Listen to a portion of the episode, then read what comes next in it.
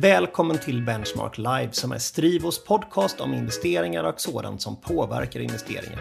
Strivo är ett bolag som tillverkar olika typer av finansiella lösningar och som har en marknadsledande plattform för rådgivet sparande. Jag som pratar heter Peter Jönsson och jobbar som sales på Strivo. Välkomna till Benchmark Live avsnitt 20. Finansbranschen är ju väldigt bra på att skapa nya produkttyper med nya olika namn, eh, men få förstår vad de olika produkttyperna egentligen innebär. En ny typ av produkt som Strivo har börjat producera är trackercertifikat, eller trackers som vi säger i dagligt tal. Och med oss idag för att förklara vad en investering i en tracker innebär, så är då Olof Gustafsson som är Head of Dealing på Strivo. Välkommen hit Olof! Tack så mycket Peter! Har du haft en härlig vinter och höst än så länge? Det får man väl säga. Eh, en väldigt snabb övergång till vinter här i Göteborg. kom ju tre decimeter snö här i natt. Så att, eh, ja, spännande att köra in i morse. Ja, eh, vi längtar alla efter våren. Du är ju Head of Dealing. Mm. Vad gör man när man är Head of Dealing?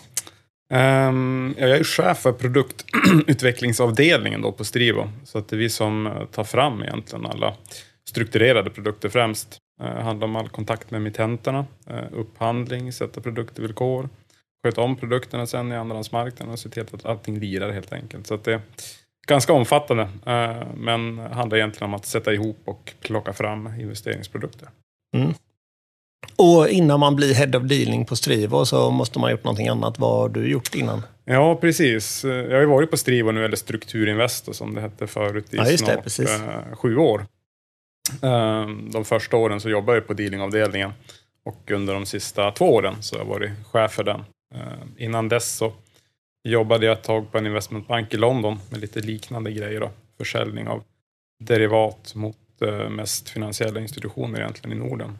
Ehm, civilekonom i bakgrund, pluggade på Handels i Stockholm. Mm ifrån eh, Kalmar, låter det som. Ja, inte direkt då, utan det är den andra änden av landet. Jag kommer uppifrån den anrika gruvorten Boliden, eh, Skelleftefältens hjärta, får man säga. Så att Västerbottning i grund och botten. Strivo nämnde du, har ju, hette ju tidigare Strukturinvest. Stämmer. Eh, kan du berätta lite om Strivos liksom, historia, var vi kommer ifrån och vart vi är på väg, eller på att säga? Precis, absolut. Strukturinvest grundades ju 2009 eh, av två stycken hemvändande Londonsvenskar, Fredrik Längre och Olof Gustafsson. Inte jag, utan en, en annan Olof. Um, ett produktbolag för främst strukturerade produkter från början. Uh, sen har det ju växt med um, flera olika affärsområden. Uh, främst kanske man ska lyfta fram den väldigt fina depåplattformen som vi har uh, med ett ganska stort utbud av olika produkter såklart strukturerade produkter, även fonder, trackercertifikat som vi ska prata om idag, eh, aktier, ETF och liknande. Då. Ehm, så vi säger väl att vi är ett, eh, ett, ett förmedlarnas depåbolag egentligen, en depåplattform för förmedlarna. Precis, för all all egentligen depåvolym som finns hos Triva är ju rådgiven, eh, rådgivna pengar. Det vill Precis. säga, vi har inga direkta slutkunder utan allting kommer ifrån eh, slutkunder som då har en rådgivare mellan sig och oss egentligen. Exakt. Som försöker hjälpa kunden att hitta till rätt risknivå och så vidare. Exakt. Du nämnde att Strivo tillverkar olika produkttyper. Eh, är alla liksom samma typ av risknivå och avkastningsmål eller skiljer de sig åt på, på olika sätt? Precis egentligen tre stycken olika produktslag då, som, som Striva med att ta fram med, tillsammans med producenterna av de här. Då. Eh, dels strukturerade produkter som vi tidigare nämnde. Eh, Tracker-certifikat som vi ska prata mer om idag som är ett relativt nytt produktslag för Strivo. Eh, och sen också då företagsobligationer som vi är med och arrangerar emissioner för. Så där är ju produkter som har olika typer av avkastningsprofil och även olika typer av risk. Och vi strävar efter att kontinuerligt egentligen ha en palett av olika typer av finansiella instrument som kan passa olika typer av kunder och olika målgrupper av kunder. Du hade ju en derivatbakgrund. Är alla Strivas produkter uppbyggda av derivat? Inte alla. Företagsobligationer är inte uppbyggda av derivat, eh, utan det är ju eh, direkt utlåning till företag i ett värdepaperiserat format. Just det, så det är ett riktigt företag som lånar så att säga riktiga pengar. Precis. Och använder de pengarna i sin verksamhet och sen ja, Exakt. Eh, strukturerade produkter, inom det produktslaget så har vi lite liknande typer av placeringar, exempelvis kreditobligationer, kreditbevis. det är syntetiska företagsobligationer och så att där finns det en emittent som skapar den typen av exponering som man kan få genom en företagsobligation men gör det med hjälp av derivat. Det är en ganska viktig distinktion mellan företagsobligationer och eh, kreditbevis eller kreditobligationer. Mm. Eh, det låter krångligt. Kan vara krångligt, men eh, vi försöker väl att förklara det på ett så enkelt sätt som möjligt. Mm. Och ehm, ja, det gäller att hålla tungan rätt i munnen när man pratar om de här grejerna. Ja, men så är det absolut. Um, om vi då pratar om trackers eller trackercertifikat som det är liksom det, det uh, vad ska man säga, det kliniska namnet det kliniska här. Eller vad namnet, precis, produktnamnet. produktnamnet är ju trackercertifikat, um, men vi brukar säga trackers för det är så oerhört mycket enklare att uttala. Ja, precis. Det är lite kortare så. Precis. Ehm, den typen av produkt är inte byggd på derivat som jag förstår det. Nej, eh, det beror också lite grann på. Den kan ju vara byggd av derivat. Ja, just det. Men ett, ett trackercertifikat är egentligen i grund och botten en börshandlad investeringsprodukt som följer värdeutvecklingen i någon typ av underliggande tillgång. Och eh, följer den utvecklingen då ett till ett man kan även skapa trackers som har någon typ av inbyggd hävstång. Men de tracker-certifikat som vi har släppt hittills är sådana här Delta 1-certifikat som man brukar kalla det, det vill säga som följer utvecklingen i en underliggande aktiekorg eller liknande, 1 till 1. Ja, just det. Så om, om korgen går upp 0,7 procent en dag så går eh, tracken upp 0,7 procent samma dag? Precis, det stämmer exakt. Så det finns ingen inbyggd hävstång utan man följer utvecklingen i den här underliggande exponeringen då, exakt från dag till dag. Eh, det låter ju som att det är extremt likt en vanlig aktiefond eller en vanlig fond. Eh, men var, varför liksom starta Strivo och Tracker-certifikat istället för fonder? Um, det är en bra fråga. Uh, det, det, finns ett antal skillnader mellan tracker-certifikat och värdepappersfonder uh, som gör att de uh, inte är exakt samma typ av exponering. Den mest slående är ju att ett tracker-certifikat är en börshandlad produkt och det är ju inte en, en vanlig värdepappersfond. Det finns ju ETF såklart som är börshandlade eh, fonder. Mm. Eh, och de är kanske mer likt då tracker-certifikat.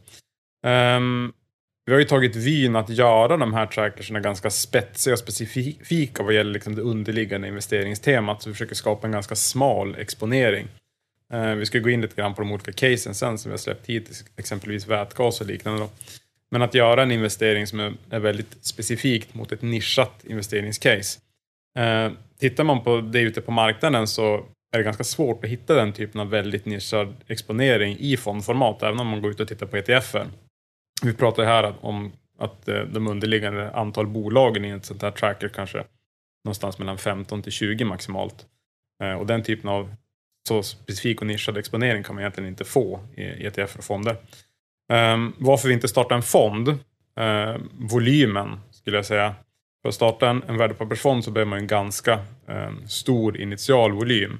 Och att kunna trycka ut uh, med snabb time to market nischade investeringscase uh, i fondformat, det blir helt enkelt alldeles för, för tungrott och går liksom inte att, att göra med, mm. med den typen av frekvenser vi vill göra.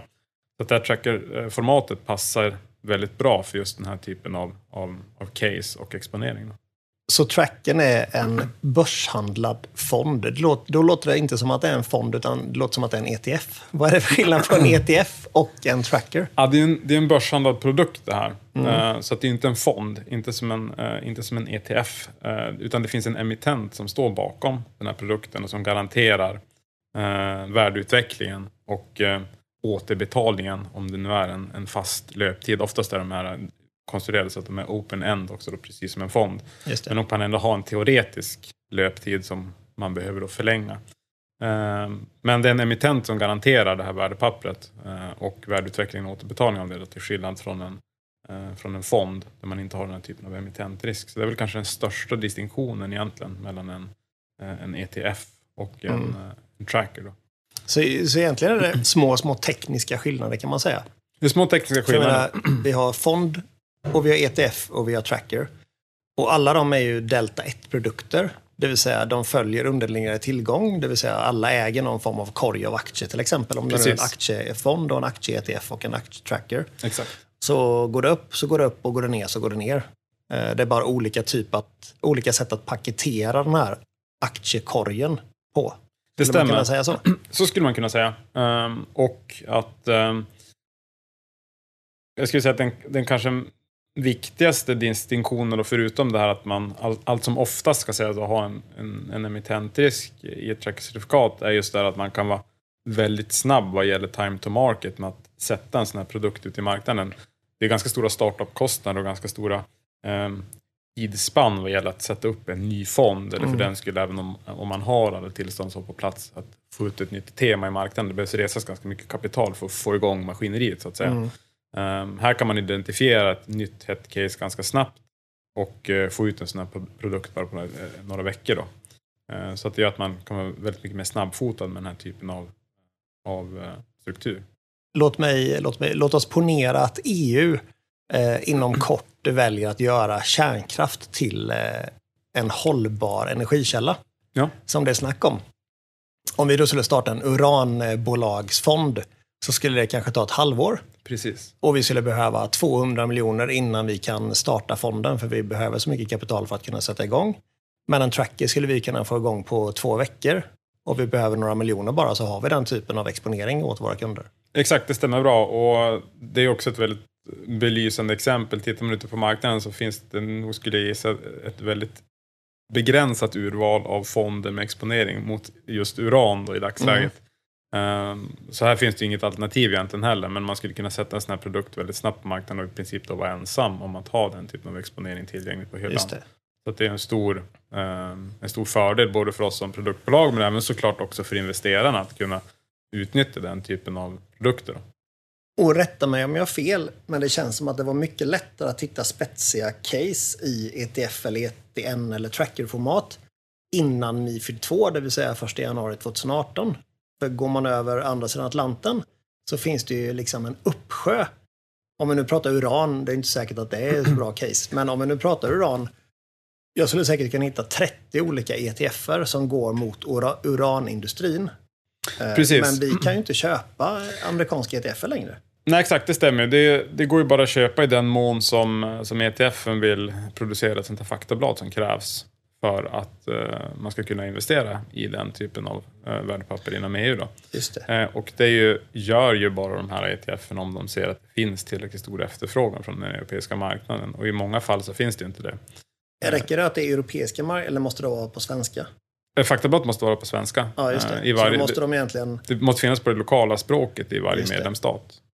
Precis, och det är kan... därför då vi inte kan köpa amerikanska ETF för våra volymer är så pass små inom de här placeringarna så de inte orkar tillverka ett svenskt faktablad. Precis. Eh, vi skulle behöva ta kontakt då egentligen med den ETF-förvaltaren och säga Hej, vi har x antal miljoner som vi skulle vilja investera i den ETF. Eh, kan ni vänligen producera ett faktablad för den? Det skulle krävas en ganska stor ticket för att de ens skulle vara intresserade mm. att titta på ett sådant förslag så det hade ens kommit upp på bordet. Men där, kan, där kan man också se på utbudet av ETF även på andra plattformar att mm. eh, det har minskat drastiskt. Mm, nej, men precis, och på andra plattformar så ser man också att det finns väldigt mycket trackers. De, de är inte lika lätta att hitta som fonderna kanske. Men det finns ju väldigt mycket trackers mot olika case och de, de leverantörerna tänker väl ungefär som oss att det är jättelätt att starta en exponering för en kund som vill ha den. Precis. För man behöver ganska lite pengar då. Exakt. De här underliggande tillgångarna då i en tracker, kan man göra det mot vad som helst? Jag gissar på att aktier är väldigt vanliga eh, med tanke på att vi svenskar är väldigt sugna på att äga aktier i olika former. Men kan man göra en tracker på till exempel råvaror eller index eller räntepapper? I teorin så kan man göra mot nästan vad som helst. Sen finns det såklart begränsningar vad som blir praktiskt möjligt gällande volatilitet, kanske främst då likviditet i de här underliggande tillgångarna. Som du säger är aktier vanligast och hittills är det ju aktieexponering som vi har um, erbjudit i våra tracker-certifikat. Mm. Men det finns ingen, eh, ingen anledning till att man inte skulle inkluder, kunna inkludera räntepapper exempelvis, eller råvaror för den delen också.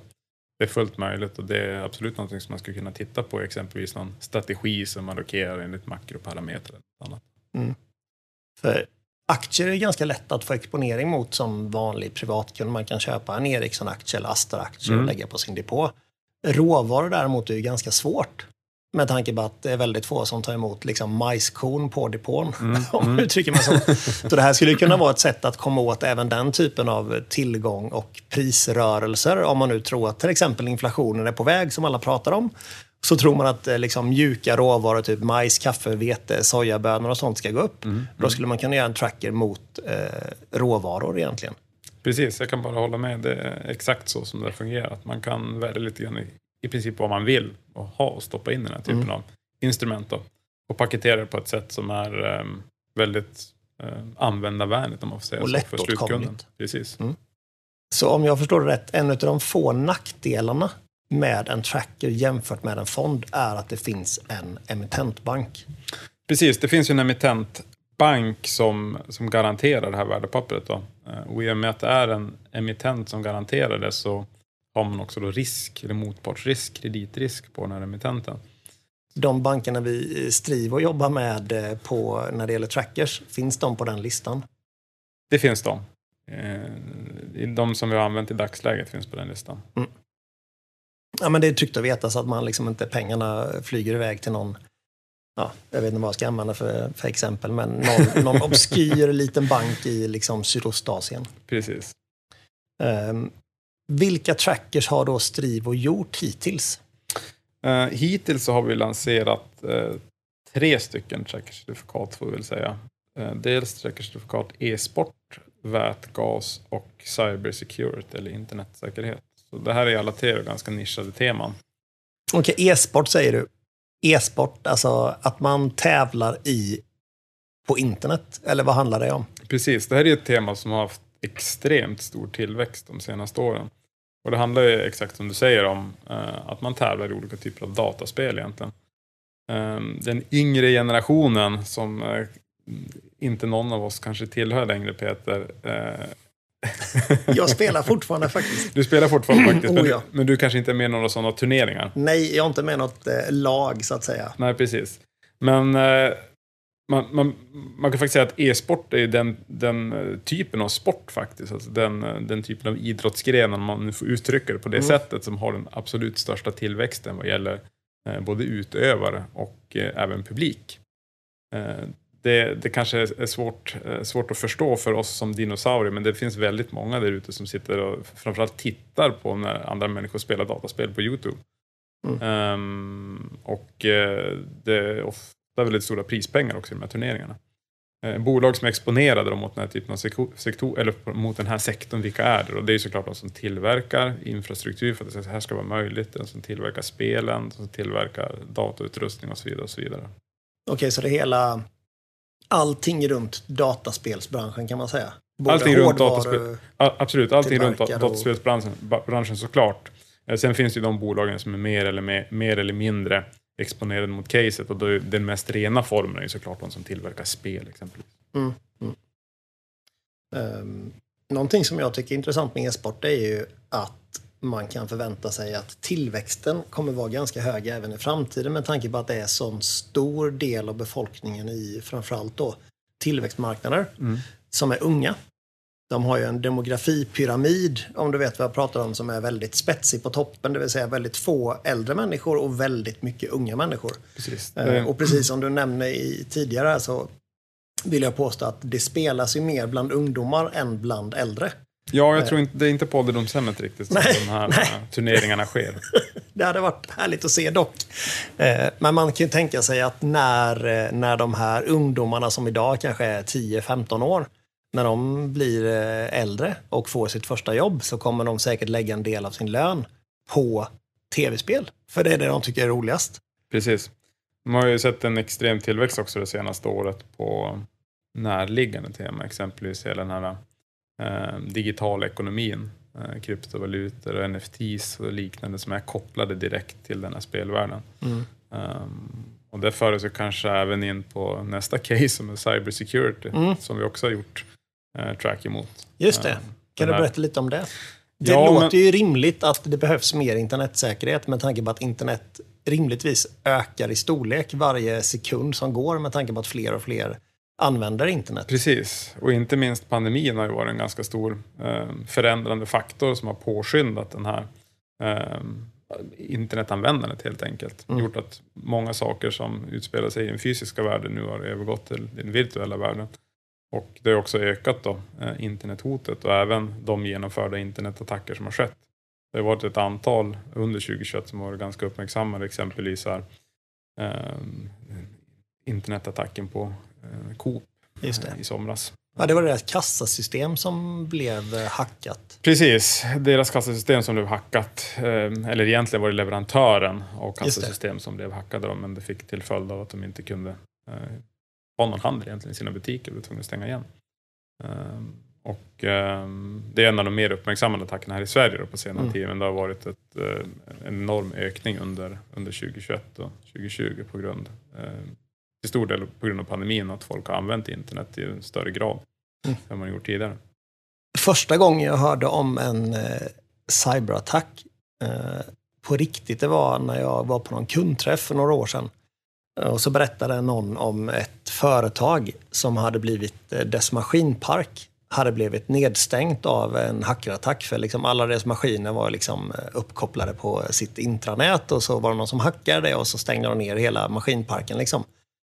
Ehm, och så hade den här vdn då fått ett mail samtidigt. Hej, vi har hackat ditt system. Vill du låsa upp det så att du kan fortsätta produktionen? Så måste du betala oss liksom en miljon dollar. Ehm, och då får du en kod. Eh, så bara lägger du in den här så är allting klart. Och han bara, alltså jag måste, ju, jag måste göra detta för jag förlorar ju hur mycket pengar som helst varje sekund på att inte ha mina grejer igång. Mm. Så han betalade till det här, liksom, den här hacken.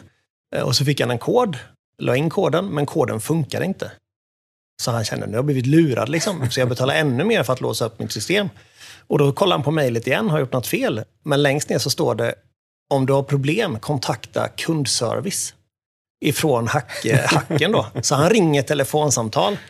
Eh, och så är det en tjej som svarar på engelska. Kanske inte perfekt brittisk engelska, men någon form av östeuropeisk engelska.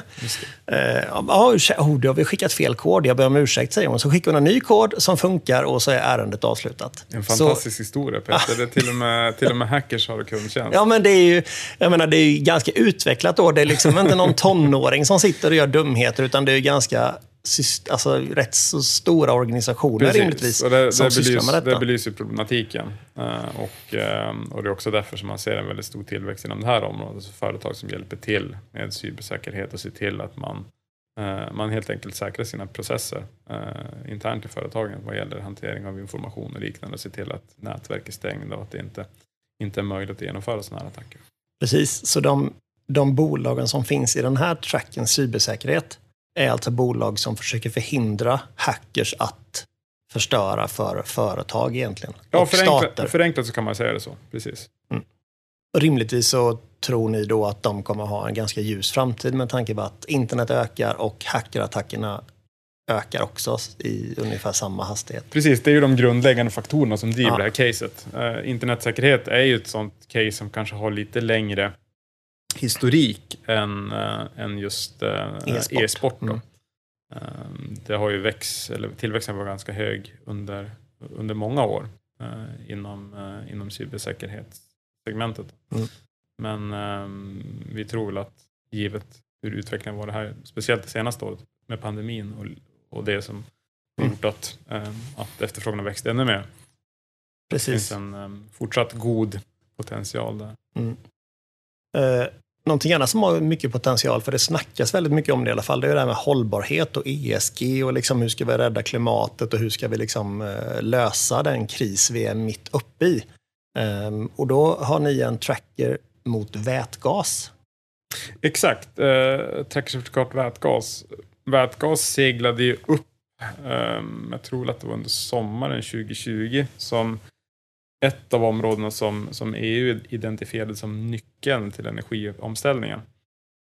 Det är ju så att det kommer ju krävas lite olika typer av energibärare för att klara av den här eh, gröna omställningen som vi står inför.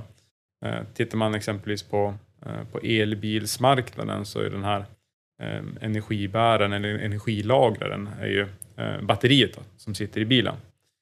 Men det fungerar inte riktigt med batterier i alla typer av eh, processer och i alla branscher. Eh, ett exempel är ju eh, stålbranschen.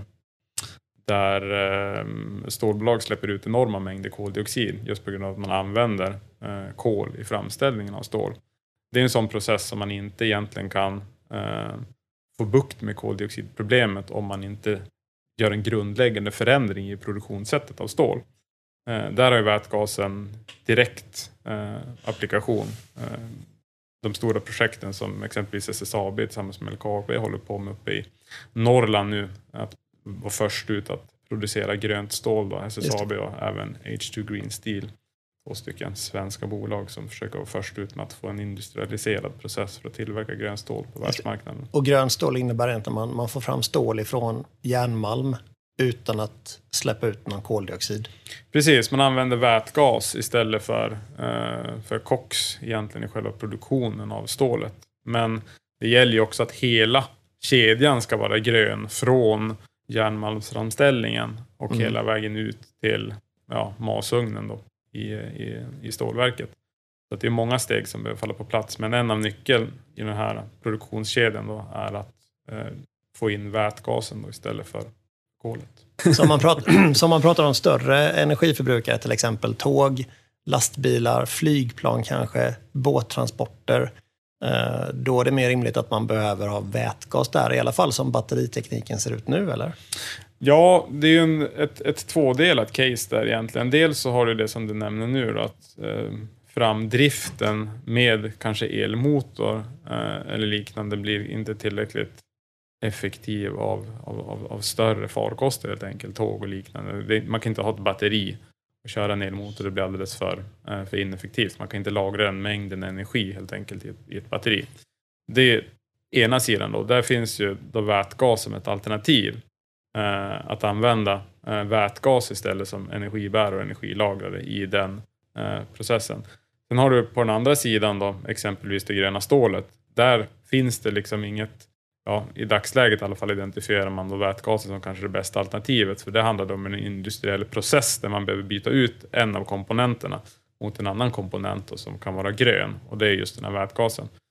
Eh, den gröna vätgasen då, den ska man då tillverka eh, genom att använda förnyelsebar energi eh, när man tillverkar den här vätgasen. Då, så att hela det produktionssättet också blir grönt.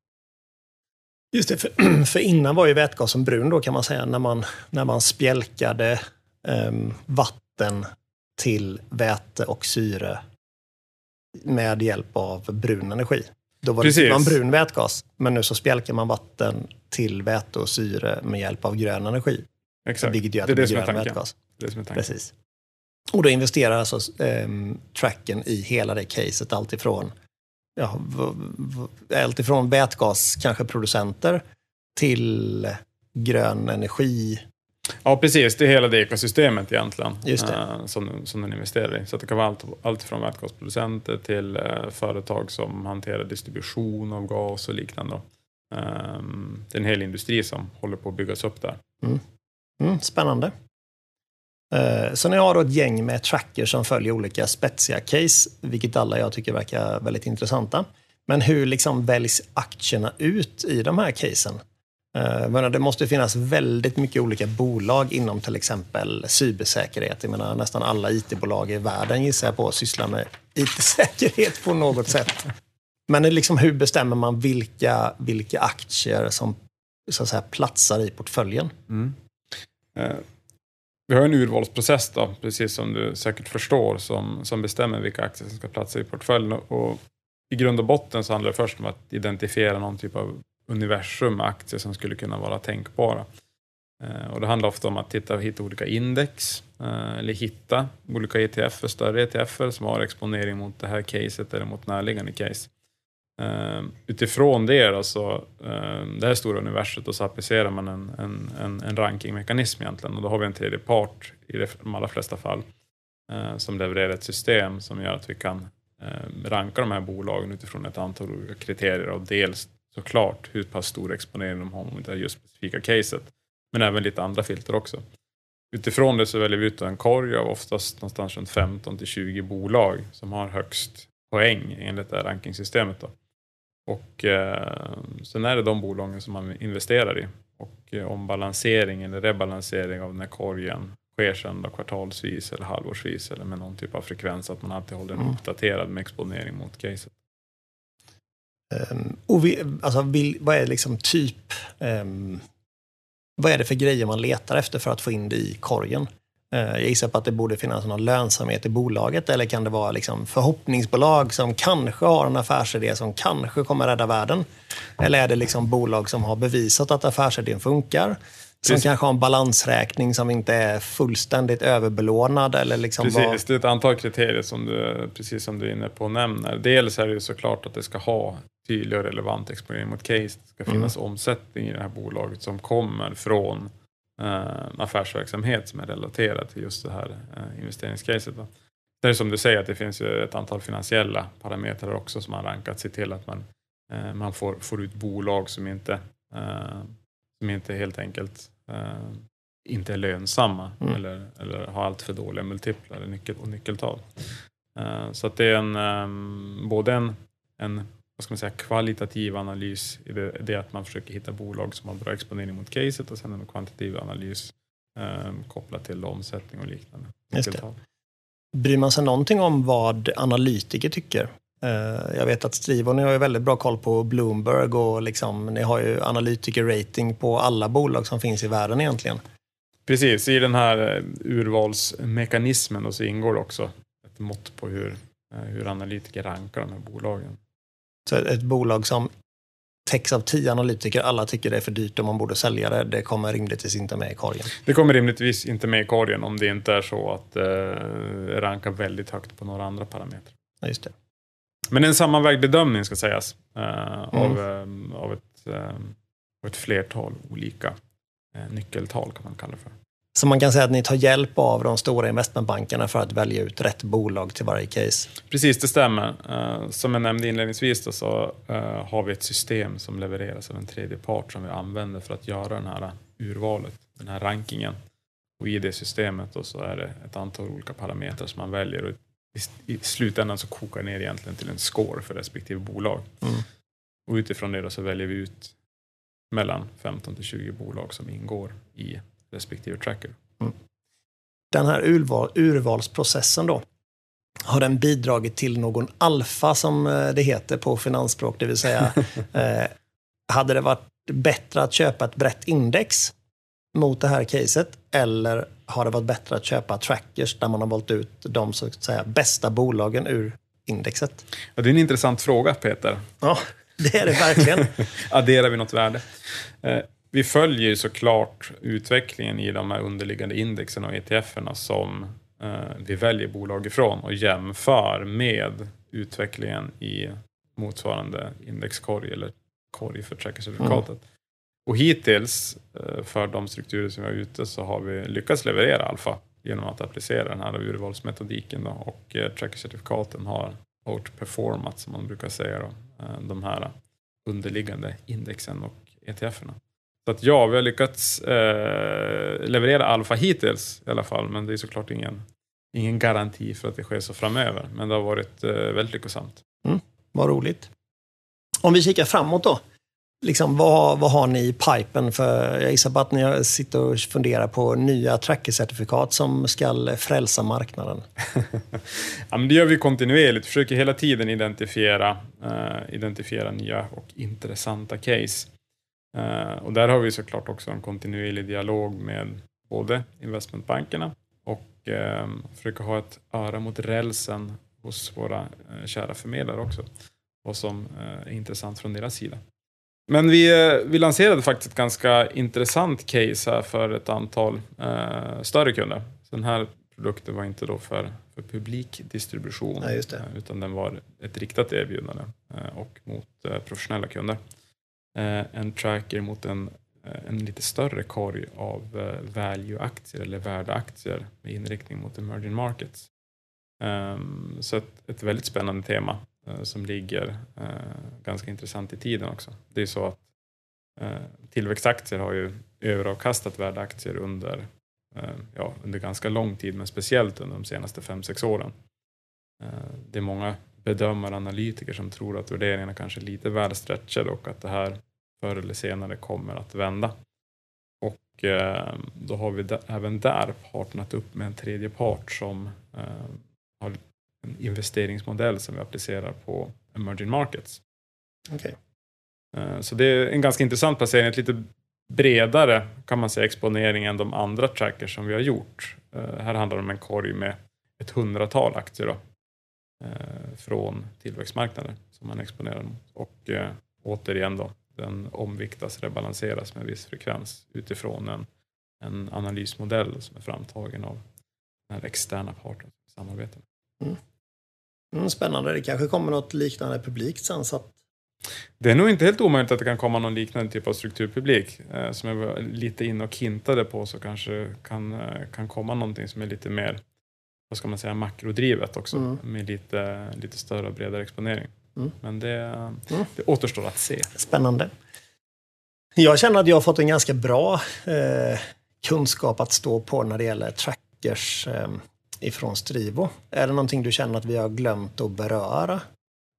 Nej, jag tror väl att vi har berört ganska mycket, äh, tycker jag. Mm. Jag får tacka så mycket för att jag fått vara med. Ja, det var så lite så. Ja, men grymt. Eh, Olle, eh, tack så mycket för att du var med och på återseende. Tack själv Peter. Det du hört i denna podcast ska inte ses som rådgivning rörande finansiella placeringar eller investeringar, bokförings-, skatte eller juridiska frågor.